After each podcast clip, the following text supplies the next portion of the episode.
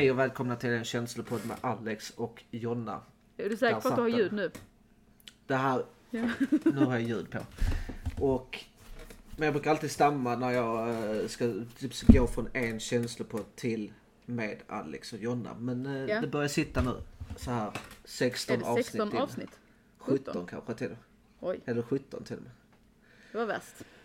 Eh, Men idag ska vi gå in på lite mer om ansvar, gränssättningar eh, och ja, var det typ det? Ja. Ja, vi, vi, Ja. vi kör på det. Så var börjar vi? Vi börjar på gränssättningar. Vad är viktigt med gränssättningar? ja. Det viktigaste för mig, som jag har förstått det, är i alla fall att särskilja på vad som är mitt och vad som är ditt. Mm. Eh, för oftast, jag kan ta ett till exempel eh, när eh, Nej men jag har glömt en sak. Det är oftast, det är min karaktärsdefekt. Alltså det är ju en sån jävla grej som jag kan störa mig på jättemycket. Att jag Mm. glömmer saker. Och så kommer en annan människa och påpekar det Ja. ännu mer. Jag vet att jag har gjort fel. Jag sitter här med, med skuld. Kanske inte skam, med skuld. Över att jag har glömt en grej eller tappat bort en grej Ja. som är viktig. Så kom inte och påpeka en gång till. Och där kan jag ju lägga fram till exempel att lägg inte mer på mig. För att jag hanterar inte det. Jag är redan känslig som jag är. Jag sitter redan med skulden. Jag vet att jag har gjort fel. Men jag kan faktiskt inte göra någonting mer åt saken Ja. än det jag har gjort. Till exempel att ha letat efter en sak. Och letat överallt. Och jag kan inte Nej. göra mycket mer än att göra det. Så kom inte till mig och säg till mig en gång till att jag är besviken eller någonting sånt. För att du kommer sätta 100% Det är mer som att, att peta hade. lite mer i det öppna såret. Och där kan jag sätta en gräns. Det är bra. och säga till, och säga till den här personen att säg inte det till mig. Jag vet att jag har tabbat mig. Jag har gjort fel. Men jag kan faktiskt inte göra mycket mer Mm. åt saken nu. Utan låt det få smälta lite i mig. Och så kanske jag kan komma med nya krafter och leta på ett annat Mm. ställe kanske. Eller så har jag helt enkelt tappat bort det. Ja. Och så kanske den dyker upp någon gång under en säng eller någonting i den stilen. Men jag kan inte göra någonting just nu. Nej. Jag har Ja. gjort så gott jag kan. Har du letat under sängen? Ja men den här gången var det var faktiskt eh, bilnyckel till min mamma. Bil eh, som jag lånade nu under veckan. Eh, och jag kom eh, faktiskt till tältet. Vi sov i sån här glampingtält. Eh, och vi kom faktiskt till tältet och jag låste faktiskt bilen. Så jag måste ha nyckeln. Jag har, har haft nyckeln på mig. Men jag hade det i byxfickorna. Så jag tror faktiskt jag har tappat den i sanden någonstans. Har du kollat i alla fickor? Ja. Alla kläder jag hade på mig den dagen. I min väska. Eh, I bilen om jag hade glömt den där. Eh, mm, alla väskor jag hade, alla kläder jag haft, kollat alla fickor och allting. Mm. Jag hittar inte den. Nej. Men, men jag sa faktiskt till mamma, släpp, släpp harmen. Eh, jag vet om att jag Ja. gjort fel. Eh, jag, jag kan inte göra Nej. mycket mer nu. Utan eh, det är vad det är och jag tror du mår bättre av att eh, tänka att ja, han har faktiskt gjort så gott han kan. Eh, den kanske dyker upp. Mm. Eller så gör den inte det och då får man ju lösa det utifrån det. Alltså, man kan ju inte trolla liksom. Ja. Men det finns många till exempel eh, där ute. Eh, mycket jobb, Mm. prestation. Eh, har man gjort fel så kan det oftast komma fram jobbmässigt att ah, nu har du gjort fel och så sätter man hela handen på den. Men, men oftast när man är duktig i, på sitt jobb och gör så gott man kan så vet du också om att du har Ja. gjort fel. Och jag jobbar som köksmästare idag. Eh, jag är chef över en liten grupp. Eh, jag som chef är lyhörd och lyssnar på de andra och sen kan jag komma med min åsikt. Jag kommer inte med min åsikt direkt.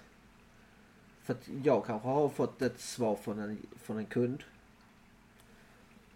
Och jag får ett svar Mm. från mina kollegor.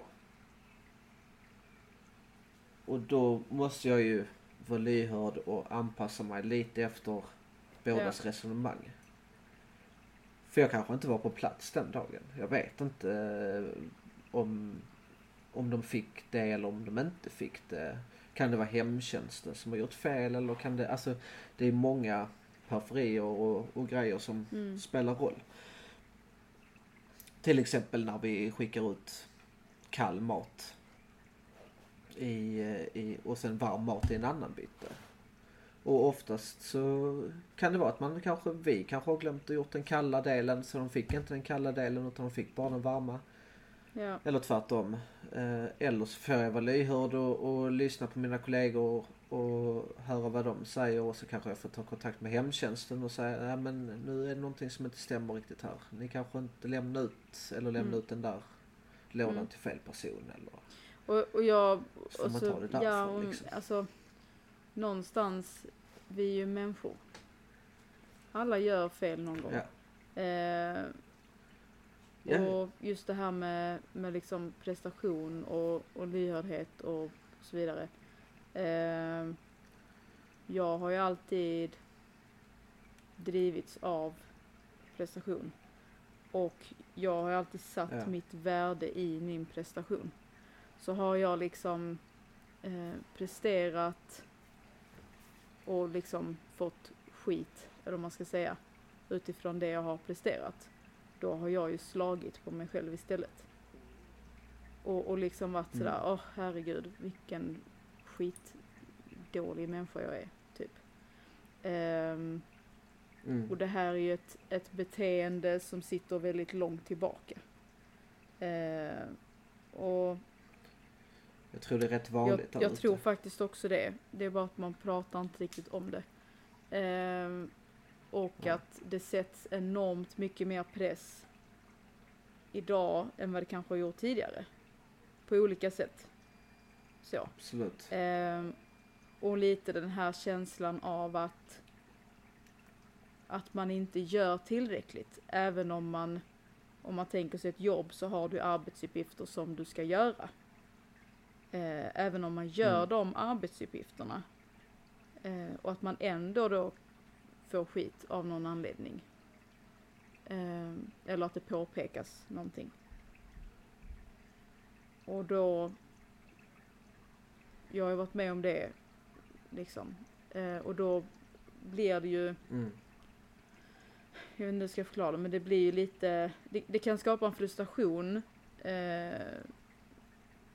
när jag väl har bearbetat liksom situationen. Eh, men i stunden så gör jag ju allt för att rätta till det. Men i efterhand kanske jag inser att, men vänta nu, det var kanske inte fel. Alltså felet kanske inte låg hos mig egentligen. Eller jag har ju gjort det jag Nej. liksom ska göra. Eller vad som förväntas av mig utifrån de Mm. uppgifter jag har.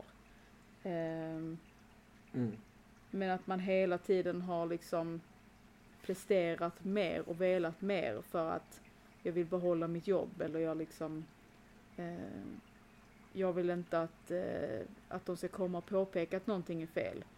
Eh, utan man vill göra allting perfekt från början. Ja, det är ju ofta så att eh, helt plötsligt så, det har aldrig hänt mig, men eh, nästan att man liksom helt plötsligt har man gjort så gott man kan men ändå så får man skit. Och så får man skit en gång till och sen så kommer det så här, nej men vi skjuter upp din provanställning lite. Ja, Jaha, vad innebär det då? Var, varför gör ni det? Men då har man inte Mm. fått svar på det utan man säger bara Nej, vi skjuter upp din provanställning lite grann. Jaha. Eh, och då känner man sig otrygg och då blir man ju nervös och man känner sig orolig. Och det skapar ju också en liten sån här Ja. ont i magen och prestationsångest. Bara det lilla, även om du kanske har gjort, en, Ja. gjort det bra. Eh, men kanske inte haft de förutsättningarna som, som det hade behövts Mm. kanske. Eh, för att göra det perfekt, Mm. perfekt. Men folk idag, i alla fall inom Mm. restaurangbranschen, alltså restaurang. Eh, är det ju väldigt så här. Usch, det ska presteras. Gästen ska ha bästa maten och det ska vara klockrent och du får absolut Allting inte misslyckas ska för då kommer så klagomål. himla Och, och, fort. och, och då ska det krediterats eller det ska liksom tas bort Ja. från notan och då, då är det ju pengar Och då är det ett igen, misslyckande. Liksom. Och jag förstår det. Det är ju Ja, Ja. det är klart ett misslyckande och jag förstår det också. Men i grund och botten så är vi bara människor som du sa innan och vi kan misslyckas. Eh, Men det är också vad, vad folk runt omkring sätter på en också för att till exempel om man är kock eh, som, som vi är eller du Ja. var Ja. och, och du jobbar i ett kök eh, och du har gäster där ute. Och du vet, vi vet ju hur Mm. gäster fungerar. De sätter ju Mm. rätt så höga krav eh, på det de betalar och det, det har Mm. de aldrig rätt i. Men sen så ser de inte bakom kulisserna riktigt. Och de kan inte... De ser inte hur vi jobbar alls. Utan det enda de ser är ju tallriken Ja. som kommer ut. Och en stressig servitris Mm. och servitör. Ehm, och det kan ju upplevas annorlunda eh, så sett. Ehm, men det sätter ju också väldigt mycket press på oss där inne i köket såklart. Ehm, och det, det är inte så jättelätt att hantera ibland. Och där kommer ju mycket så ansvar in. vem, vem, vem som ska Ja. ta vad. Är det kocken som ska ta all skit eller är det faktiskt chefen som eh, sitter och, och får, får meddelandet? Och där handlar det om hur du presenterar Mm. det fram. Både till gäst och till, Mm. till arbetare. Och i vår bransch, de cheferna jag har haft, de är ju väldigt Ja. hårda. Ja. De har varit väldigt hårda. Eh, Men där vill jag ju ändra lite på saker och ting. Liksom och bygga in känslor även in i Mm. arbetet. Liksom. Att det är faktiskt känslor Ja. du jobbar med.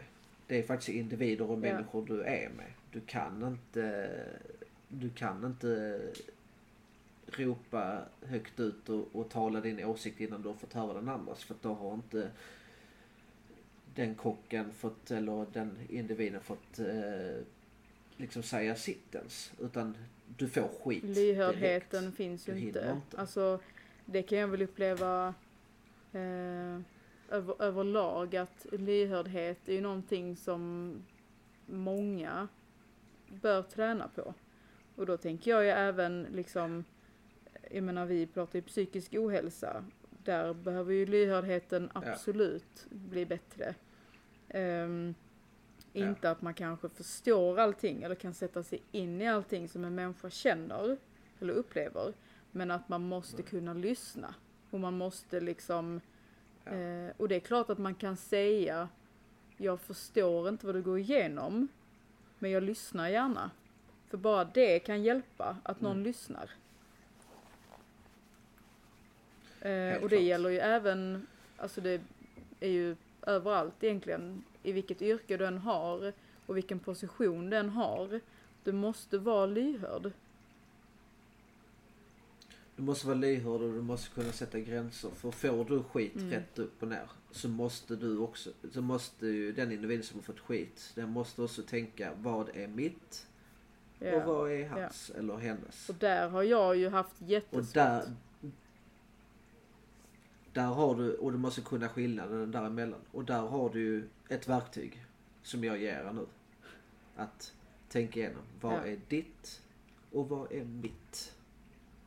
Det är jätteviktigt för de som är otrygga, känsliga och inte riktigt kan hantera det där. Men, men på något sätt för att skilja på de sakerna, vad som är ditt och mitt, gör att du kan Mm. släppa saker också.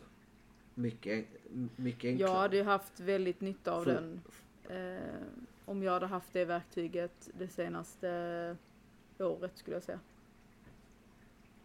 Ja. Och det, det är någonting som har flugit in i mig nu liksom som jag har förstått. Kunde du inte kommit med nu. den tidigare? Men det, men det, kom, det kommer. Jo, men det, men det Ja. kommer ju.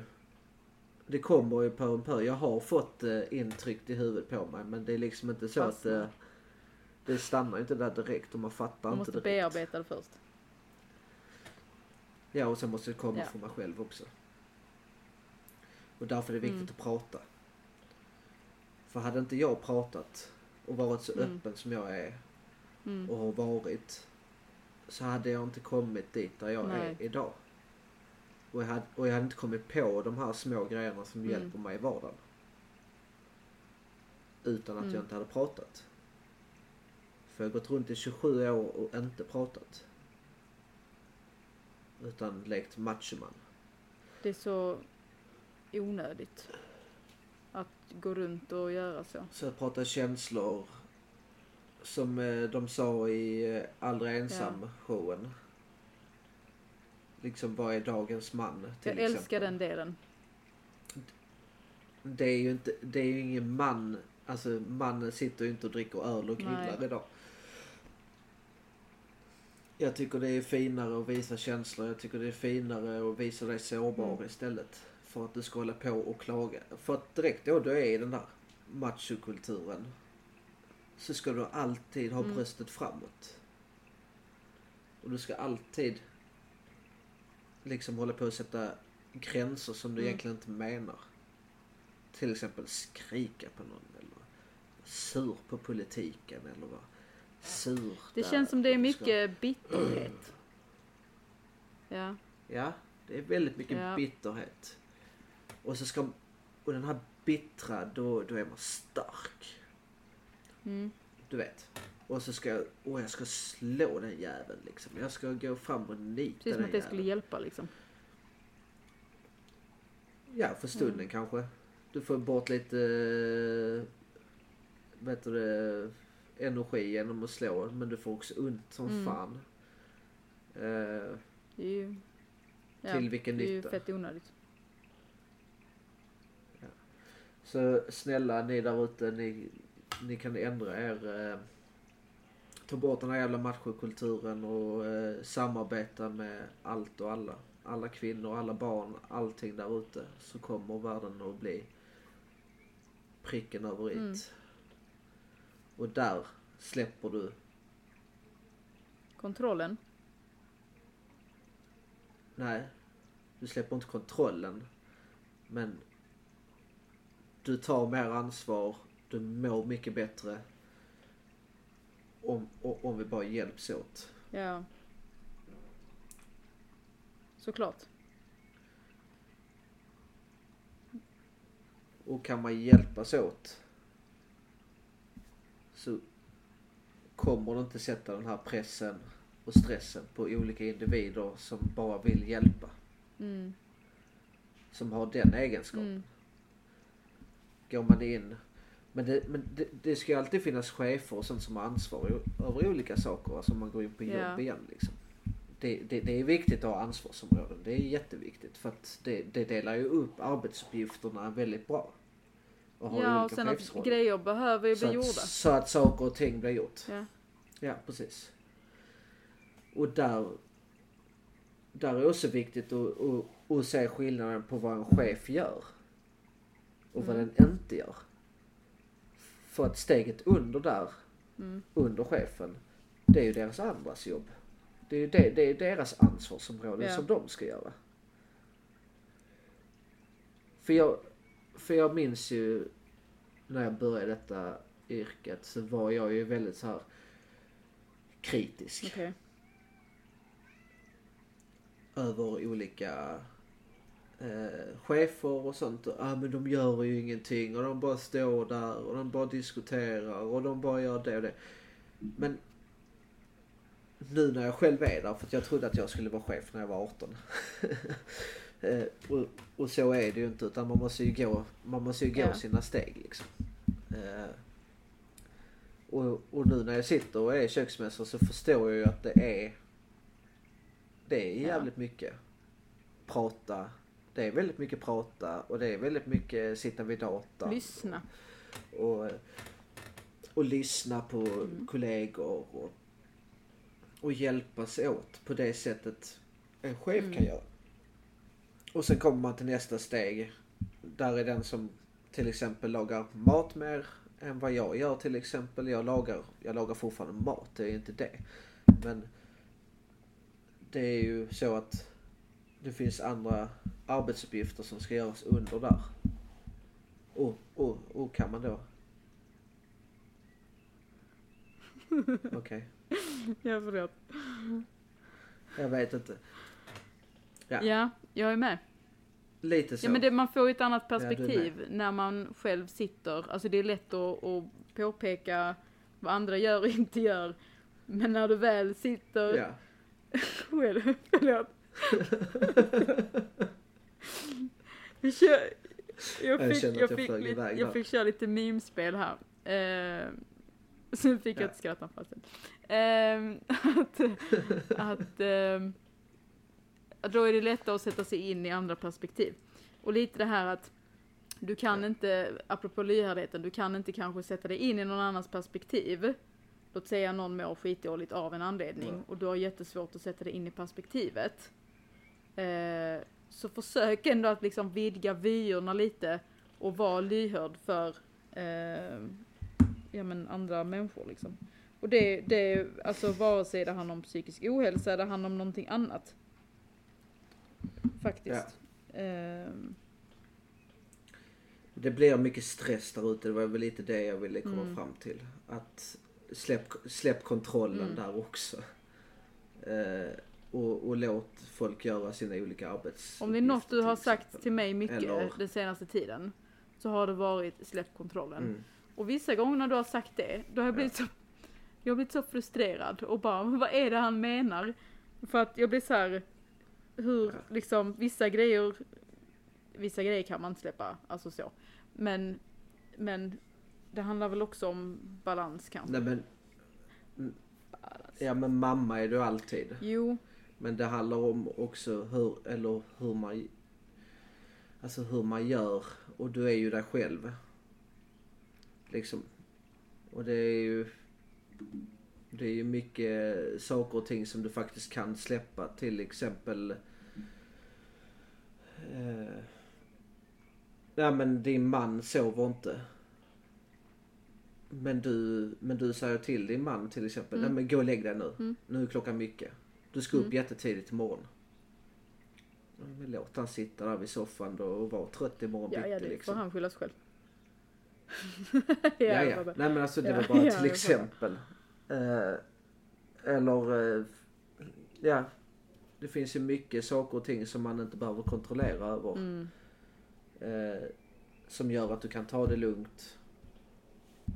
Och tänka mer straight liksom. Istället för att tänka åt andra. Ja. Släppa taget. Apropå det, jag...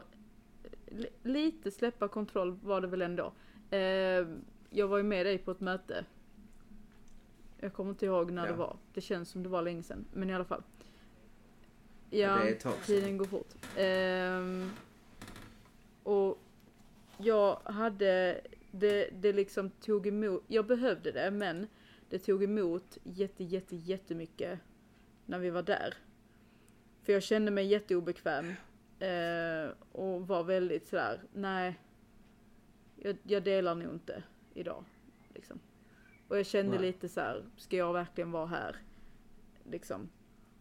Det kändes som att jag inte hörde hemma liksom.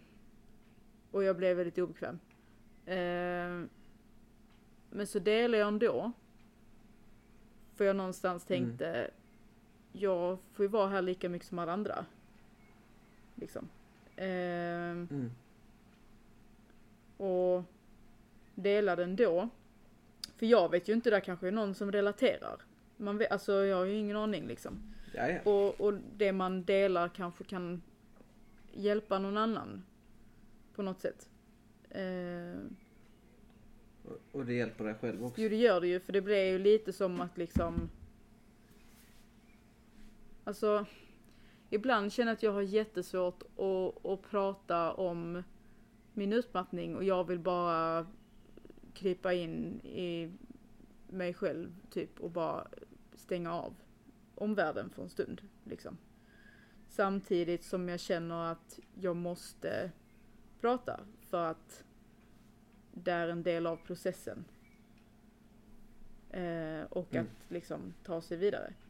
Och den, Det är ju ditt personliga ansvar att göra det. För att du vill ju må bra. ja. Jo, Och du har, du har ju vilja. Du har ju vilja som jag sa tidigare. Som en oxe liksom. Som kan ibland förstöra ja, vissa saker. min vilja kan verkligen förstöra för mig själv.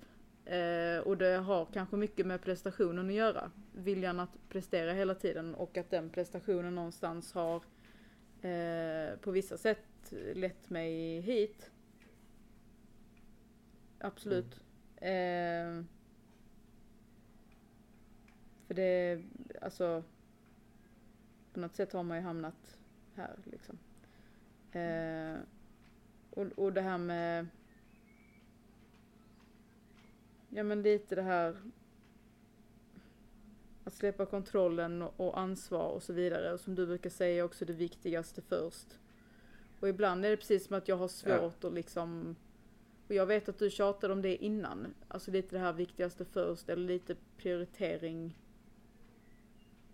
Och vissa, det, det låter bra. Det låter rimligt och det låter vettigt. Men det blir kaos i mitt huvud. Det blir jätterörigt. Och jag vet inte om det är för att jag stundvis blir väldigt hjärntrött. Och när jag blir hjärntrött så kan jag inte ta in någonting. Jag kan inte... Men vi, vi har ju varit inne på det innan. Som högkänslighet så tar du ju in Mm. väldigt mycket. Alltså du uppfattar ju saker mycket starkare än vad en Mm. annan människa gör. Eh, och då, då förstår jag att det blir snurrigt ju. Det blir, ju. det blir ju inte lätt eftersom att alla intryck kommer på en och samma gång och du snappar ihop allting. Eh, och då du har snappat ihop allting, vad är då det viktigaste Ja. först? Är då, rädd, är då rädda planeten med att eh, bara köpa ekologisk mat eller köpa en elbil? Eller är det att ta det lugnt för att du är jävligt trött och idag blir det bara ostmackor ikväll. Så att jag får en timme lös till att bara vila.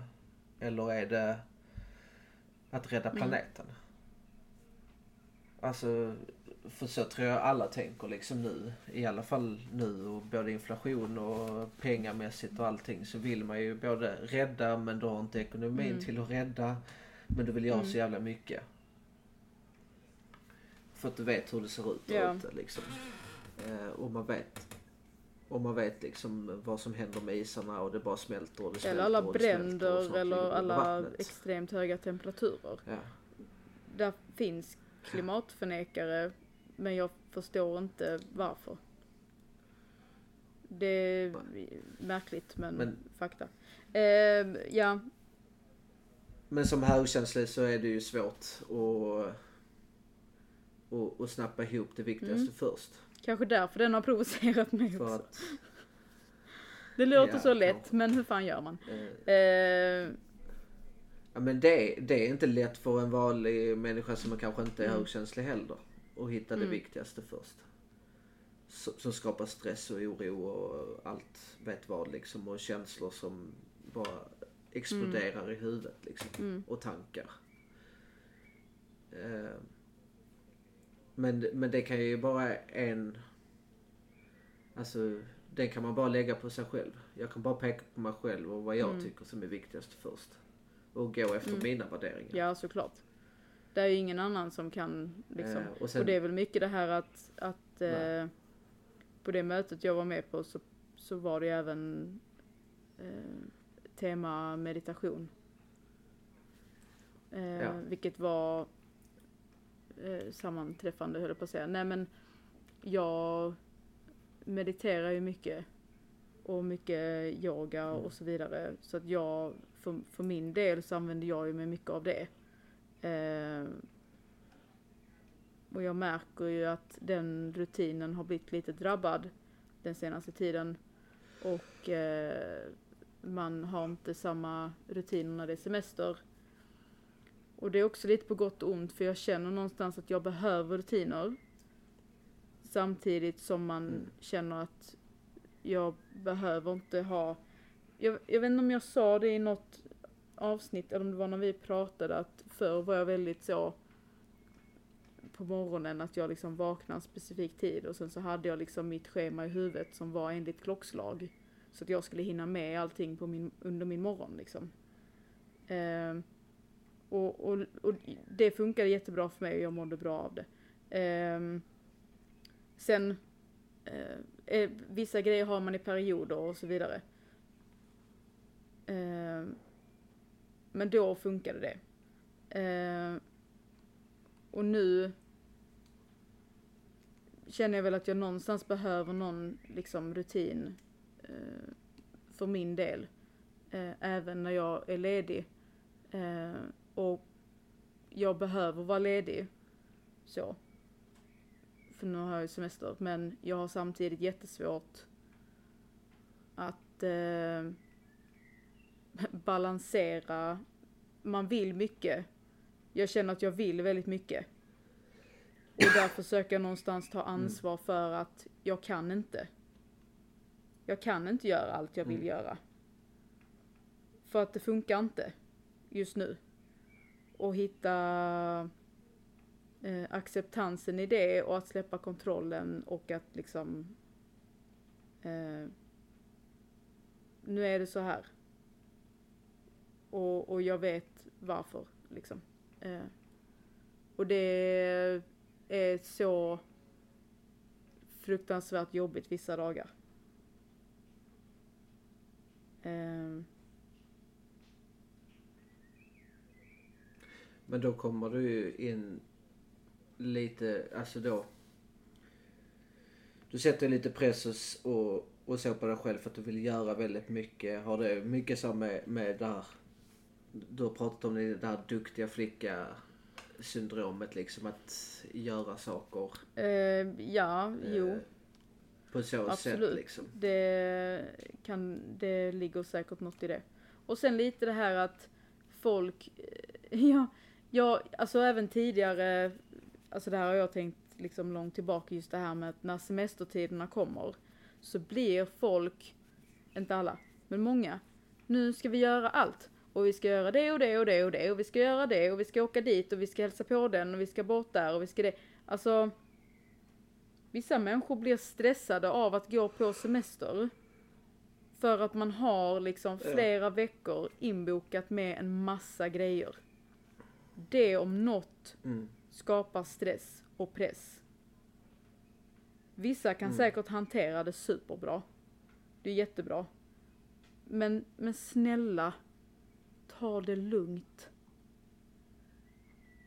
Och någonting som skapar stress och press med det, det är när man delar allting på sociala medier. Mm. Eh, och, och Jag, by, jag byggde upp mitt beroende genom att kolla på vad alla andra hade. Och sen skulle jag anpassa mig Ja. efter det. För att jag skulle bli omtyckt och jag skulle vara det. Och, alltså så här, och jag såg, eller mycket som påfrestade mig var ju att jag skulle anpassa mig efter andra för att jag inte kände mig som alla Mm. andra. Och det var mycket sociala medier och sånt. De var ute på den resan dit och den resan dit och då skulle jag Ja. också göra det. Men jag, jag hade inte ekonomiska resurser Nej. för att göra det. Så jag... Det blev ju helt plötsligt att jag sa- satte den pressen och, och satte det typ, ja man kan nästan kalla det för ansvar Ja, på mig själv att det där, det där ska jag uppnå och det där ska jag Ja. uppnå nu. Och det blev ju först att man eh, tog massa kreditkort och sånt och sen kunde man inte klara det och då Mm. började jag spela liksom. och jag, jag Eh. menar inte att, att man inte ska kunna njuta av liksom att man hittar på grejer under sin semester. Givetvis, givetvis ska man Absolut kunna göra inte. det. Alla är olika, alla har olika förutsättningar, absolut. Eh, men, men någonstans att tagga ner lite. Alltså semestern är ju till för att vila och för att återhämta sig. Sen gör folk det på olika sätt. Ja, så är det. Ehm, och, och någonstans, Men där har jag lärt mig, där har jag lärt mig det. Ja. Mitt är mitt och ditt är ditt. Alltså, jag kan, alltså idag kan Ja. jag acceptera det att jag, jag har det inte så bra ekonomiskt, jag kan inte göra nej och jag menar, så. Eh, och då får jag bara och, och det betyder det. ju inte att du kan ha, att, att du får en sämre semester på grund av det. Absolut inte. Man måste ju Absolut någonstans eh, utgå från vad man har. Eh, och använda sig av det. Och det är väldigt lärorikt och kan vara väldigt fint också. Ehm, men det jag menar är väl, Ja, och min familj. Ja. och det är huvudsaken. Det har jag också, det känner jag är absolut huvudsaken. Eh, men jag tror någonstans att jag själv personligen behöver bli bättre på att så här, det är okej att gå iväg 10 minuter. Vilket jag har liksom någonstans insett och börjat göra. Det är okej att gå och, och lägga Mm. sig liksom en halvtimme och bara stänga av. Eh, vill någon ifrågasätta det, gör det. Jag kan förklara varför. Liksom. Eh, men att ta lite mikropauser. Och sen någonstans att eh, liksom sen jag vill någonstans att folk ska eh, eller påminna sig om att faktiskt ta det lugnt också. Och vila och att det faktiskt är Mm. okej. Det är okej att inte ha några planer. Eh, och jag menar man ska komma tillbaka till, till jobbet och liksom rutiner igen. Vardagliga rutiner. Och att inte känna att nu ska jag börja jobba men fan jag pallar ingenting för vi har ju haft fullt upp hela semestern. Den känslan är inte rolig. Ja, eller, eller tvärtom att fan jag har inte gjort någonting. Nej. Men det är okej. Men det är okej. Ja det, det är Du alltså be- att, att inte ha några planer alls kan vara väldigt lärorikt. För jag tror att många, jag, har- Ja, jag har uppfattningen har av att många bokar in väldigt mycket för att man har känslan av att Ja. man måste göra saker. Sen är det klart att, Jag har inte bokat in någonting detta året överhuvudtaget. Jag bara tog det som det kom. Det enda jag hade inbokat nu det var när jag Mm. var iväg nu i veckan. Men då la jag faktiskt från mig mobilen och allting. Jag har typ inte haft den. Den, den, den, det, enda jag gjort på min telefon det är att spela Hay-Day. ja du har inte svarat mig så jag menar, En... Nej, jag, jag har inte svarat nej någon. jag märkte det. Eh, så nej, det, det var jätteskönt att bara fokusera på familjen. Det är och- väldigt lärorikt att, att Ja. eh, stänga av telefonen eller bara så här inte ha den överhuvudtaget. Eh, det försöker jag göra Mm. dagligen att eh, ha någon dag när man inte scrollar en massa. Men det, det är nog ett beroende vi alla människor har Ja. i dagens samhälle. Det är den här jävla Absolut. mobiltelefonen. Eh, det kan föra mycket gott men också väldigt mycket negativt. Och där har du ju, där har du faktiskt Mm. ett ansvar. Med tanke på sociala Mm. medier. Du kan ju faktiskt ansvara själv för vad du följer och inte följer. Mm. Ja. Och den är väldigt lärorik. Gå in och, och kolla igenom vad du följer. Scrolla där och liksom lite rensa. Med jämna mellanrum. Eh, det är väldigt lärorikt att gå in och rensa. Eh, och, absolut. och att följa människor som någonstans visar eh, en verklighet, kanske är fel att säga, men, men där finns ju faktiskt de som inte har liksom fejkade filter eller alltså så. Som försöker visa en, en liksom normal verklighet höll jag på att säga. Norm, vad är normal? Nu svamlar jag mest. Men eh, att, att följa konton som ger en positivitet. Och styrka. Exakt, Positiv tack. energi. Styrka Tack. energi. Det var dit jag skulle komma. Helt klart. Du, eller vet du, ska du bibehålla, alltså sitter du och har psykisk ohälsa och du mår inte bra. Så är det jätteviktigt att, att ladda på med det som Ja. ger dig någonting. Alltså det som, alltså ladda de batterierna uppåt istället Ja. för neråt. Och lägga rätt energi på rätt saker. Jag har varit inne på det när jag pratat med dig, att lägga energi på rätt saker, alltså Mm. med batterier. Att fylla på. Det här vill jag lägga 50% på. Alltså ofta så har du jobbet, det ligger, alltså en vardag, alltså en Mm. helt vanlig dag.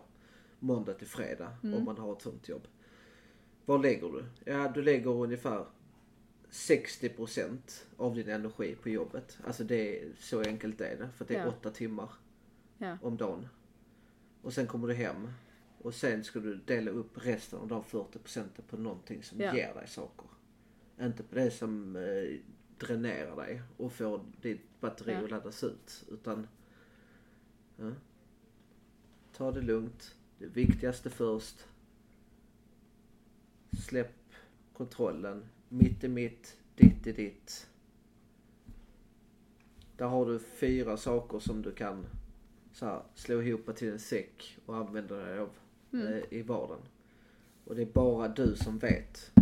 Det är ingen annan. Och, och ehm, när du berättade för mig om det här batteriet. Det var också så här, ja. Det låter rimligt. Men jag kom också ihåg att jag tänkte, för det här var nog när jag redan var sönderstressad och inte riktigt kunde ta in det. Så. Ehm, Ja. men också så här, gud vilket bra verktyg. Det låter jätteenkelt. Och sen fattar jag inte. Det, Ja, är, men inte, det är det det är inte enkelt. Är så ehm, öva, öva, öva, öva. Och jag antecknade innan vi började spela in att inte slå, inte slå, inte slå på sig själv. Precis. Tryck inte på on-knappen. Tryck på off-knappen Mm. ibland. Så går det inga batterier ur dig. Ja. Då laddar Ja. du. Då sitter du och laddar som en Tesla-bil liksom. Det, det Ja. ger energi. Alltså då, eller då någonting ger dig energi, då fortsätter du med det. Det du tycker är kul och ger dig Mm. någonting. Och precis som med Instagramsflödet så kan du rensa bort Mm. det som inte ger någonting mot det Ja. som ger dig någonting. Precis. Och så gör du, så, så gör du även utanför mobiltelefonen vill jag säga det. Ja. Gör saker som ger dig någonting, ger dig positiv energi. Och där handlar det också mycket om gränssättning. Ja. Alltså allt. Att kunna säga till en annan människa att nej, nu får du faktiskt lägga Ja. av. Det där ger mig ingenting. Allting utan- går ju ihop. Det är ju som en, som en... Så här, eh, så här en, funkar jag. Ja, och så får den, det är ju lite som en cirkel som liksom det ena leder till det andra. Mm. Eh, och att eh, tålamod och övning. Eh, och Ja. att lite det här, jag har sagt det förr, jag säger det igen. Hjärnan är ett organ som ser likadant ut idag, fungerar på samma sätt som när vi var på savannen. Okej? Så det är inte konstigt att hjärnan inte pallar alla dessa intryck. Vare sig du är högkänslig eller inte. Nej. Så. Ehm, men att någonstans liksom och, sen, eh, ta en paus. Och det är också svårt att ta ansvar när, eller när man sätter press och stress på andra Mm. individer. Det, det är svårt för den personen att, att, att, att ta ansvar när den får nya arbetsuppgifter Ja. hela tiden. Och sätter press Ja. och stress på den. Utan har man till exempel fem mål Mm. med året. Dra ner Mm. det till tre. Eller dra ner det till två för du kommer inte klara Mm. alla fem målen. Ja, Utan fokusera då hellre på två utav målen och så fortsätt och ta ansvar över de två Ja. målen istället för att ta ansvar över fem Sänk kraven. eller områden. Sänk kraven. Sänk kraven på dig själv. Och liksom följ ditt hjärta och ta de viktigaste och sakerna då vill jag slänga in en sak innan vi avslutar. Att eh, apropå det här med att prata och prata och prata och prata och eh, våga prata och dela med sig och be om hjälp och så vidare och så Mm. vidare. För att det är ju lite därför vi är här också. Hur jobbigt det än må kännas vissa gånger vi ska spela in så känns det alltid lite bättre efteråt faktiskt. Eh, Mm. Då vill jag ju slänga in här då eh, Gittel som vi hade med oss för några veckor sedan. Eh, hon är ju då ambassadör för de gula bänkarna som ska sättas upp i Malmö stad. Eh, och hon var med i Nyhetsmorgon häromdagen och pratade om detta. Eh, och då gick jag in och läste lite mer om de här gula bänkarna. Eh, I Helsingborg Mm. har de haft de här gula bänkarna sedan 2001. 20, nej vänta nu, 2021. Eh, och i Mm. Malmö stad så var det en person som heter Bosse Persson. Som eh, la in ett förslag till, till Malmö stads eh, politiker då. Om att sätta upp de här bänkarna för att öka eh, eller sätta igång samtal om psykisk ohälsa helt enkelt. Så de här Ja. gula bänkarna kommer att sättas upp i Malmö stad. Jag tror de har satt upp några redan. Under Ja, 2023. Jag vet inte men, men, men i, all, eller i alla fall kommer de introduceras under Malmöfestivalen. Som är nu i augusti. Och det, detta... Eh, och då kommer den stå på Gustav, Gustavtorget. Eh, och det här förslaget gick igenom väldigt snabbt. Som jag förstod det. För att Mm. politikerna var väldigt positiva till detta. Eh, och, och hur de fungerar, det är att du sätter dig på bänken. Eh, eller så kanske det sitter någon redan. Eh, och man, helt enkelt för att prata. Liksom. Eh, Och hur man pratar och vad man pratar om, det bestämmer man helt och hållet själv. Men man kan ju börja med att säga Mm. hej, hur mår du? Eller hej, jag mår så här och så vidare och så vidare. Och och just för att eh, färre ska lida i ensamhet. För att bryta stigma då.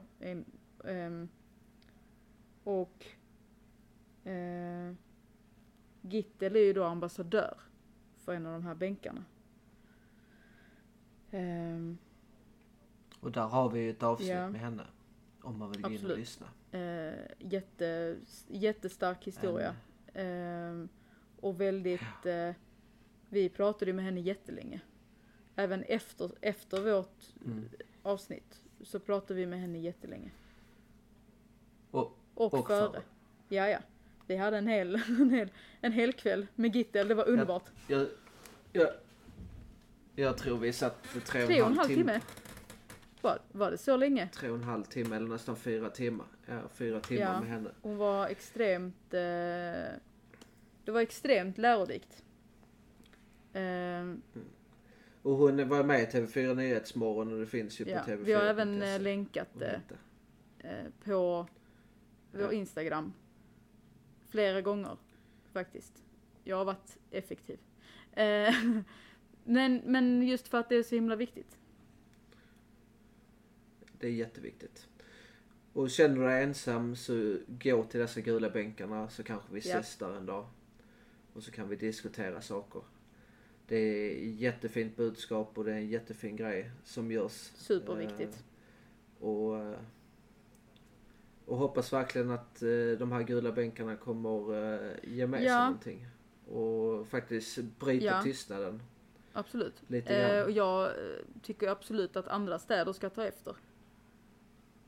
Bring it on. Alltså, De, de, till och med småbyarna där ute Ja, ja. kan sätta upp. Jag vet att vissa skolor har haft lite såna här eh, röda bänkar och sånt. vi, eller vissa skolor har satt ut så här röda bänkar.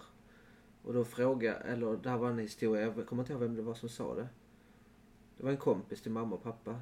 Eh, och då, då hade en eh, mamma gått fram och frågat sin, eh, sin dotter, vad är de där gula eller Mm. röda bänkarna för någonting?